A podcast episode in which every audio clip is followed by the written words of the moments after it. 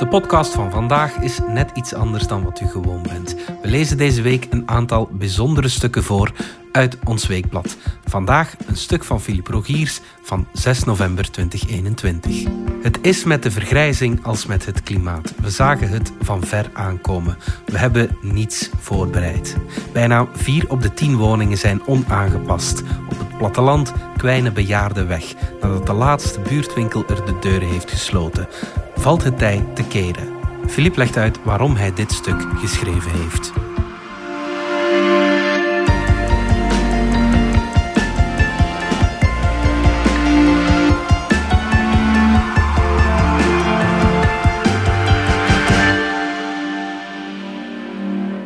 Hallo, ik ben Philippe Rogiers, verslaggever voor het Standaard Weekblad.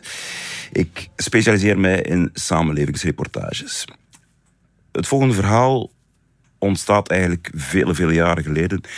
Toen ik Pascal de Dekker, socioloog en ruimtelijk planner aan de KU Leuven, herhaaldelijk hoorde uh, spreken over de vergrijzing. Uh, en hij vertelde mij van het is met de vergrijzing als met het klimaat. Uh, we zien het van ver aankomen, we zagen het van ver aankomen en we hebben niets voorbereid. We doen het à la Belge te laat en te weinig. en die woorden van Pascal de Dekker zijn mij altijd bijgebleven, zijn blijven zeuren in mijn hoofd. En dit jaar ben ik er dan echt even dieper ingedoken. Ik ben gaan kijken, vergrijzing, het woord valt in de wedstrijd voor het eerst eind jaren 80. Maar vanaf dan gaat het eigenlijk uitsluitend over de centen, over pensioenen, terwijl er zoveel meer bij komt kijken. En dat is wat blijkt uit het vele, vele onderzoek van Pascal de Dekker. Uh, en anderen, Dominique Verté onder andere. Uh, onze woningen zijn niet aangepast aan uh, mensen die veel ouder worden, ook dankzij goede medische zorgen. De straten zijn niet aangepast. Um, gemeenschapsvoorzieningen op het platteland zijn afgebouwd. Ik ben op stap gegaan in de stad, luchtbal in Antwerpen en op het platteland in de Westhoek. Ehm, ik ben op stap geweest met een verpleegster van het Witgele Kruis. En um, ik ben daar toch wel. Ik wist dat het erg was. We kennen de cijfers, maar cijfers zijn ook maar cijfers over armoede. Met name bij ouderen, mensen die vereenzaamd geraken, geïsoleerd op het platteland. Maar ik vond het toch uh, schrijnend om het nog maar eens met eigen ogen uh, te zien. De namen in dit stuk zijn fictief omwille van privacyredenen. Stavelen, deelgemeente van Algeringem, 660 inwoners. Je kunt er op een doordeweekse dag naakt over straat lopen. Winkels zijn er niet meer. Er is een broodautomaat, maar die is leeg en het glas is stuk. Een bus, lijn 24, doet het dorp drie keer per dag aan. In de oude gemeenteschool wordt al lang geen les meer gegeven. Ook het vroegere gemeentehuis ernaast staat leeg. Aan de gevel hangt al 70 jaar een plakkaat te roesten. Landentoernooi 1952. Zo het dorp, zo het land. Het platteland loopt al vele jaren leeg. Uit een rapport van 2019 in opdracht van het Vlaams Departement Omgeving over de ruimtelijke ontwikkelingsmogelijkheden aan de kust en in de Westhoek blijkt dat in kleine dorpskernen tussen 2008 en 2018 ruim 70% van de handelszaken is verdwenen. Kleine kernen zonder kritische massa worden ze in dat rapport genoemd. Voorzieningen en sociale activiteiten verdwijnen al langer. Dat weet Pascal de Dekker, socioloog en ruimtelijk planner aan de KU Leuven. Huisartsen gaan met pensioen en worden niet vervangen. Banken sluiten hun kantoren, winkels de deuren. Er verdwijnt van alles wat nodig is voor je dagelijkse leven, zeker als je ouder en kwetsbaarder wordt. Adna Huskic, verpleegkundige bij het Witgele Kruis West-Vlaanderen, heeft dan ook altijd eten en drinken mee als ze op ronde gaat. We laten het doodse stavelen achter ons en rijden richting Krombeke. 15 patiënten tussen 14 en 19 uur, ziet ze op haar spreadsheet. Dat is een normale, rustige namiddag. Ze heeft er al een drukke voormiddag op zitten. Haar dagen beginnen om half zes de tocht gaat langs steenwegen over kasseien en aardewegels doorheen het ommeland van Poperingen. Tegenleggers zijn er niet of nauwelijks. Adna rijdt gezwind en zonder GPS door het vlakke land met zijn kerken als enige bergen. Beducht is ze alleen voor tractors, want dat betekent oponthoud en tijd is er nooit te veel.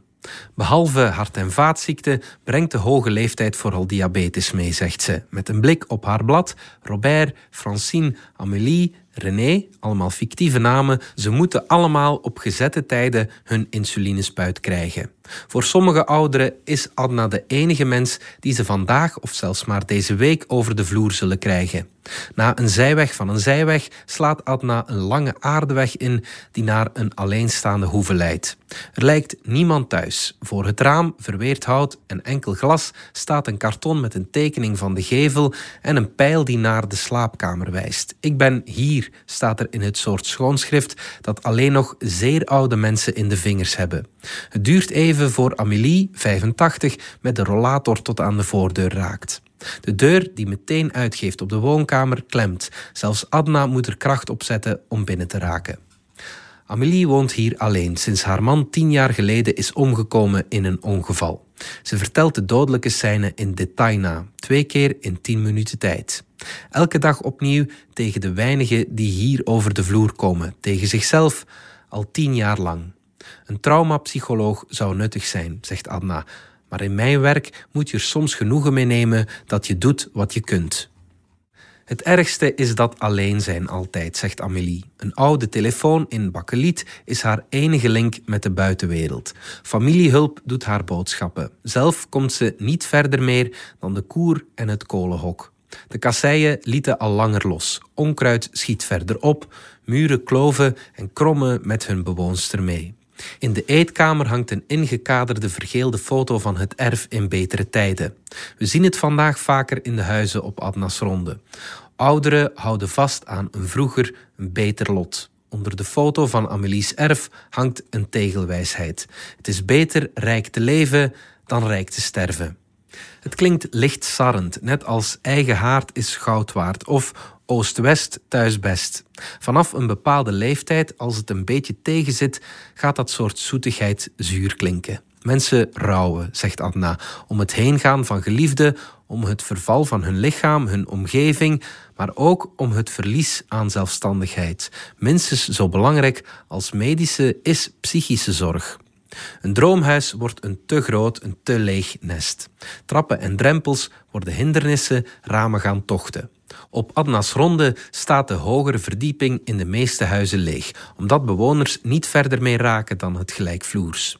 Voorkamers zijn omgebouwd tot slaapkamers met de charme van een ziekenboeg, wat ze ook zijn met hun ijzeren bedden en de pillendozen op hun nachtkastje. Het is vooravond half zeven wanneer Adna aanbelt bij Ferre van 76 en Agnes van 90. Agnes is al vele jaren verzonken in een diepe stilte. Ferre praat voor haar, als hij met zijn doorrookte stem tenminste over het geblaf van zijn zes witte Maltesers heen komt. Hij ging dertig jaar geleden bij Agnes, zijn buurvrouw, inwonen. De dokter zei dat ze naar het gesticht moet, zegt hij. Ik heb me over haar ontfermd en dat doe ik nog altijd. Ook hier hangt aan de muur een souvenir van betere tijden. De vader van Agnes baat de café de Meiboom uit. Adna moet Agnes voetje voor voetje naar de voorkamer leiden en haar in bed tillen. Een collega komt haar er morgen weer uithelpen. Het platteland vergrijst al maar sneller. De instroom van de babyboomers, geboren tussen 1945 en 1955, is nog volop bezig. In heel Vlaanderen wordt de top van de bevolkingspyramide al maar zwaarder en de basis die wordt smaller. 1 op de 5 Vlamingen is 65 plus. Tegen 2040 zal dat volgens het Federaal Planbureau een kwart van de bevolking zijn. In 2070 zal het aantal 85-plussers zelfs zijn toegenomen tot 400.000. West-Vlaanderen is een van de meest vergrijsde regio's. In 7 op de 10 kustgemeenten is zelfs 1 op de 3 Vlamingen ouder dan 65.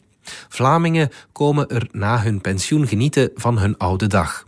De spaarpot raakt sneller op dan gehoopt, partners vallen weg, bestaansonzekerheid dreigt, de zorgbehoefte explodeert. De schaarste aan zorgpersoneel laat zich aan de kust inderdaad het sterkst voelen. Dat zegt Catalien den Dove, algemeen directeur van het Wit-Gele Kruis in West-Vlaanderen. In sommige regio's, zegt ze, zoals in het Knokse, slagen we er bijna niet meer in om aan alle zorgvragen tegemoet te komen. We horen ook van conculega's dat zij er geen nieuwe patiënten meer kunnen bijnemen. Het is met de vergrijzing als met het klimaat, dat zegt Pascal de Dekker van de KU Leuven. Het is wiskunde. Als er vandaag x aantal mensen geboren worden, zul je x aantal plekken nodig hebben in de crèches en scholen en komen er 60 jaar later x aantal gepensioneerden bij en nog eens 20 jaar later evenveel zwaar zorgbehoevenden. We wisten dus al lang dat de bevolkingspyramide zou kantelen. We hadden ons al veel langer de vraag moeten stellen waar en hoe gaan die mensen wonen. We zagen het van ver aankomen en we hebben niets voorbereid. We doen het à la Belge, te laat en te weinig. De term vergrijzing dook eind de jaren 80 voor het eerst in de wedstraat op.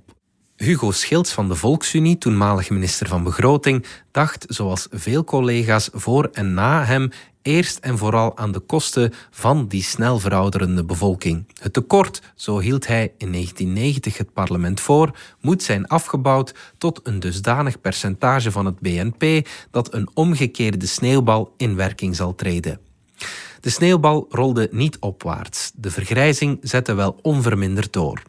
30 jaar later kunnen we Zilverfonds en andere bric-à-brac ten spijt, dat zijn de woorden van arbeidseconoom Yves Marx, nog altijd niet 100% zeker zijn dat kinderen en kleinkinderen een leefbaar pensioen zullen hebben. Bovendien is de kostprijs van de pensioenen en de facturen voor dokters, ziekenhuizen, medicatie en andere zorg maar één facet van de verouderende bevolking. Het zegt niets over oude en slechte huizen, over lege en doodse dorpen, rollator- en rolstoelonvriendelijke voetpaden.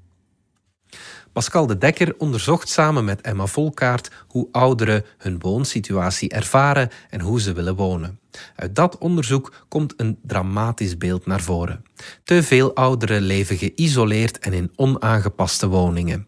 Die kwalificatie geldt volgens de recente cijfers van het Oudere Behoefteonderzoek OBO voor 4 op de 10 woningen. Wat als hun beweeglijkheid afneemt? Dat vragen Volkaart en de Dekker zich af. Wat als de badrand te hoog is geworden? Of de afstand naar de bakker niet meer overbrugbaar is? Of in de auto stappen onverantwoord? Volgens andere cijfers, zoals de Belgische indicatoren van duurzame ontwikkeling, leefde in 2020 15,7% van de bevolking in een woning met een lekkend dak, vochtige muren, vloeren of funderingen of met rot in raamkozijnen of de vloer. Daarmee doen we slechter dan het Europese gemiddelde. Brussel scoort het slechtst met 1 op de 4 ondermaatse behuizingen. De Belgen betalen op latere leeftijd de prijs voor wat in hun jonge jaren een fel gepromoot ideaal was: een eigen woning. Acht op de tien Belgische zestigers zijn huiseigenaar. Een spaarpot voor later. Zo werd het de Belg al sinds de wet de taaie van 1948 voorgehouden. Maar wie als twintiger bouwt, staat niet stil bij een toekomst waarin hij of zij er alleen voor staat of niet meer uit de voeten kan. Zoals de Dekker en Volkaart het beschrijven, het na de oorlog gemunte woonmodel is de facto uitgetekend voor gezinnen met kinderen, voor valide mensen die probleemloos trappen nemen en vlotjes met de auto van hot naar her rijden. Wat ouderen evenwel nog het ergst vinden, dat zegt Emma Volkaart, is het wegvallen van alle sociale contact. Alles is weg uit het dorp. Er is geen leven meer, zeggen ze. Ze vinden het jammer als het dorpsschooltje de deuren sluit. Ze missen de spelende kinderen, ze rouwen om de eigen jeugd. Ouderen brengen meer tijd thuis door dan jongeren. Het belang van een aangepaste woning neemt dus ook toe naarmate je ouder wordt. Indien een huis niet snel genoeg verbouwd wordt, gesteld dat de spaarpot dat al toelaat, wordt het op oudere leeftijd een gevangenis. Dan rest, zeggen de Dekker en Volkaart op basis van vele diepte-interviews, enkel een combinatie van fatalisme, apathie en aanmodderen. En ongevallen. Een op de drie Gentse ouderen gaf in het onderzoek van Steunpunt Wonen aan het afgelopen jaar gevallen te zijn. Ongeveer de helft van de slachtoffers van woningbranden is 65 plus. Behalve met onaangepaste huizen worstelt België ook met de erfenis van ruimtelijke planning en stedenbouw uit vroegere tijden. 150 jaar is er een beleid gevoerd om mensen zoveel mogelijk te verspreiden, zegt de Dekker. Ze moesten vooral om politieke redenen voldoende ver van de steden worden gehouden, want de stad was verderfelijk. Treinen en huisvestingswetten moesten daarbij helpen en later de opkomst van de auto. Nu zouden we, omwille van de vergrijzing en het klimaat, de omgekeerde beweging moeten maken. Maar dat gaat natuurlijk niet van vandaag op morgen. Je kunt mensen niet verwijten dat ze decennia lang gedaan hebben wat de overheid van hen heeft gevraagd. Raken ouderen op het platteland geïsoleerd door de afbouw van nutsvoorzieningen en winkels, ook de stad is voor menig senior soms een hellegat. Vele ouderen zagen hun beurt verkleuren, zegt Volkaart. Dat leidde tot vervreemding, het gevoel niet meer thuis te zijn in de eigen wijk. Maar nog belangrijker is de gentrificatie. De komst van een middenklasse die langer in de stad blijft wonen, er woningen koopt en een nieuw soort voorzieningen creëert die te duur zijn voor de oorspronkelijke bewoners. Of we de etalageziekte kennen, dat vraagt sociaal gerontoloog Dominique Verté van de VUB. Je moet er eens op letten hoe ouderen die een eindje proberen te wandelen halfweg moeten stilstaan door de kramp. Dan doen ze alsof ze naar gevels en etalages staan te staren. Weet u wat wonderen zou doen? Zitbanken op de juiste afstand van elkaar en meer openbare toiletten. Hoe we onze huizen bouwen, hoe we onze straten inrichten, het zijn even zoveel puzzelstukjes voor een volwaardig ouderbeleid. Daarvan zag Verté er tot nu toe te weinig. Ouderbeleid in Vlaanderen, zegt hij, is lang een ramp geweest. De focus lag exclusief op zorg. Begin jaren 90 werd het herleid tot woonzorgbeleid, al heette het toen nog rusthuizen. Dat was een zeer beperkende visie op ouderen. Ouderen waren mensen die aftakelen. Punt. Nog altijd zit op regeringsniveau het ouderbeleid ten onrechte alleen in de portefeuille van welzijn, terwijl het zoveel meer inhoudt. Verté komt vingers tekort om dat zoveel meer op te sommen. Mobiliteit, ruimtelijke ordening, huisvesting, sociale netwerken, woonomgeving, voeding, kwetsbaarheid. Philippe Rogiers, de auteur van dit stuk, ontmoet Verté in Assen, nog zo'n dorp dat betere tijden heeft gekend. Van de vijf horecazaken op de kleine markt staan er vier leeg en te koop. Ook hier is inmiddels al één op de vijf inwoners ouder dan 65 jaar. Verté is in Vlaanderen de autoriteit als het over vergrijzing en ouderbeleid gaat. Hij begon twintig jaar geleden met het ouderenbehoefteonderzoek, internationaal ook bekend als de Belgian Aging Studies, BAS. Verté lag aan de basis van de lokale ouderenadviesraden, al werden die nooit wat hij had gehoopt. Het moest tot meer participatie leiden, zegt hij, maar het werden veredelde feestcomité's. Ook het concept van buurtgerichte zorg komt uit zijn koker. Nu pas, na meer dan 30 jaar ontbuurting, wordt daar stilaan werk van gemaakt. Het wordt zelfs een hype, grinnikt hij. Daar hoort een cynische kanttekening bij. Vlaanderen zet samen met veel andere West-Europese landen al jaren in op wat eufemistisch vermaatschappelijking van de zorg heet. Daar past in het ouderenbeleid de notie aging in place bij thuis oud worden heet de grote droom van iedere mens te zijn, bijna een basisbehoefte. Dat klinkt mooi, maar voor 42,5% van de 65-plussers is dat geen optie, zegt Verté. Want wat als dat thuis, zoals bij Amélie of Agnès en zoveel anderen, niet langer voldoet aan de voorwaarden voor een menswaardig bestaan? Dan is vermaatschappelijking van de zorg een alibi voor botbesparen zoals dat zeker in Nederland het geval is geweest de voorbije tien jaar. Ik pleit voor een herinvoering van de douane tussen Nederland en België, zegt Verté al lachend, om vooral te vermijden dat die Nederlandse waanzin ook hier zou binnensluipen. Ze hebben daar de hele zorg de facto gecommercialiseerd. Landelijk sneden ze diep in de zorg en de gemeente moesten maar akkoorden afsluiten met private zorgverstrekkers. Het komt erop neer dat de zwakke en kwetsbaren naar Angelsaksisch model eruit geknikkerd worden. Ik zeg niet dat het in Vlaanderen zo ver komt, maar het is een reëel risico.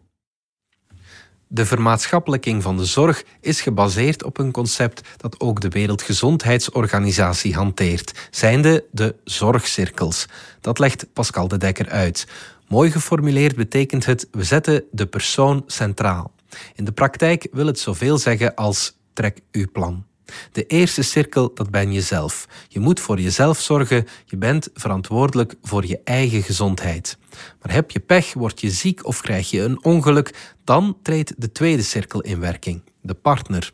Dat is de eerste bug in dit mooie model, want het gaat uit van vrij klassieke gezinnen, zegt de Dekker. 40% heeft geen partner en als je die als ouder wel hebt, is de kans niet gering dat die samen met jou behoeftig wordt. Op naar de derde cirkel. Het lijkt de goddelijke komedie van Dante wel, de kinderen. De meeste zorg behoeven verarmde ouderen. Uit armoedestudies blijkt dat de relatie tussen ouders en hun kinderen vaker wel dan niet gebrouilleerd is, zegt de Dekker. Komt erbij dat de kinderen van wie op het platteland woont vaak zelf ver van huis zijn beland omdat er in de eigen streek economisch en anderszins niets te beleven was. De Westhoek heeft geen jobs voor hogeschoolden, zegt de Dekker. Die komen niet terug. Cirkel 4. Het netwerk De Buren.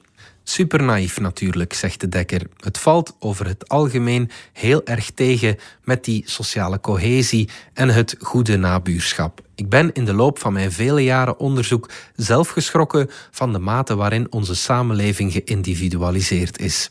Pas in de vijfde cirkel komt de overheid op de proppen. Of het wenselijk is dat de overheid alle ouderenzorg op zich zou nemen, is één zaak. Of het te organiseren en te betalen valt, wetende hoe snel de samenleving vergrijst, een andere. Margot Kloet van Zorgnet Icuro herhaalde onlangs in de afspraak nog eens dat er veel meer handen aan het bed nodig zijn. Toch krijg je dat zelfs met arbeidsmigratie niet zo gauw georganiseerd, zegt Volkaart. We kunnen dat voor die vele honderdduizenden straks gewoon niet doen.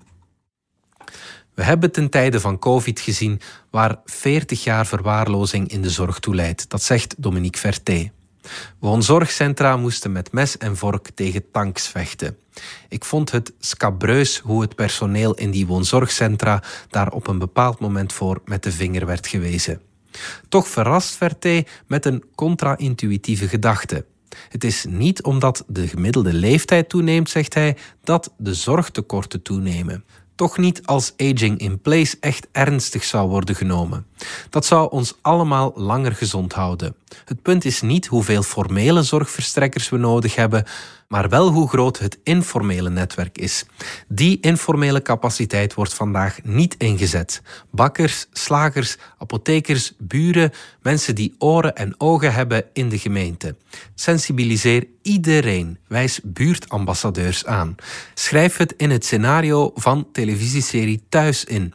Toon een Maria die alleen woont, haar heup breekt en niet meer de trap op kan. En toon hoe je dat oplost. We moeten mensen meer stimuleren om na te denken over later, zegt Verté. Waar en hoe ze willen wonen, hoe ver van winkels, bakkers, openbaar vervoer enzovoort.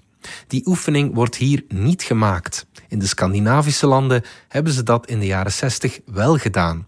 Het duurt een jaar of tien voor en mentaliteit en gedrag veranderen. We hebben dus nog een heel lange weg af te leggen.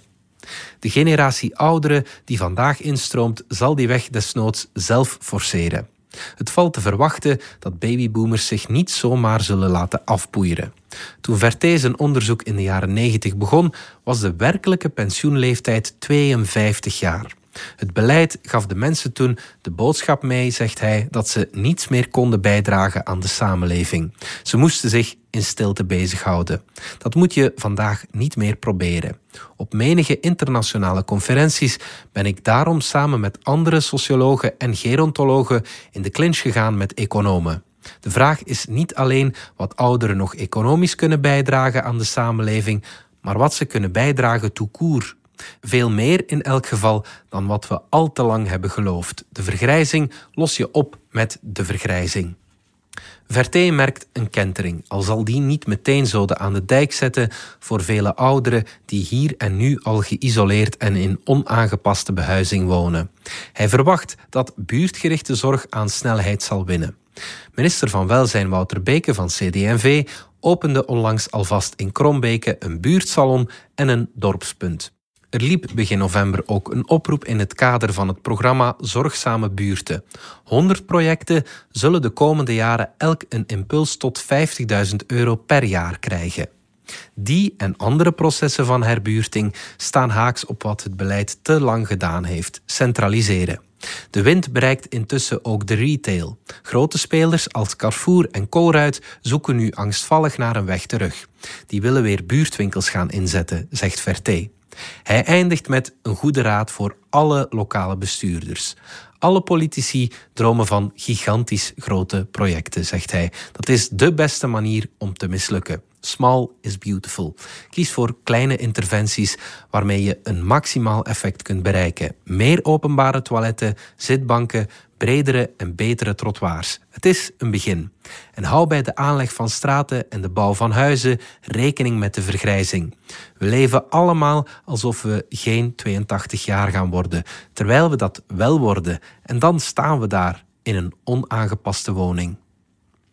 Intussen op luchtbal Antwerpen 2030. Verté heeft gelijk. In het buurtcentrum maakt Colruyt reclame voor een winkelbus. Sinds twee jaar kunnen bewoners van Antwerpen Luchtbal en Antwerpen Dam een beroep doen op die dienst. In de wijk zelf zijn de buurtwinkels één voor één verdwenen. In de plaats kwamen de Lidls, Colruits en Aldi's in de rand, langsheen makkelijk met de auto te bereiken expresswegen. Het is niet alleen op het platteland dat een reusachtige stofzuiger alle voorzieningen en winkels lijkt te hebben weggezogen.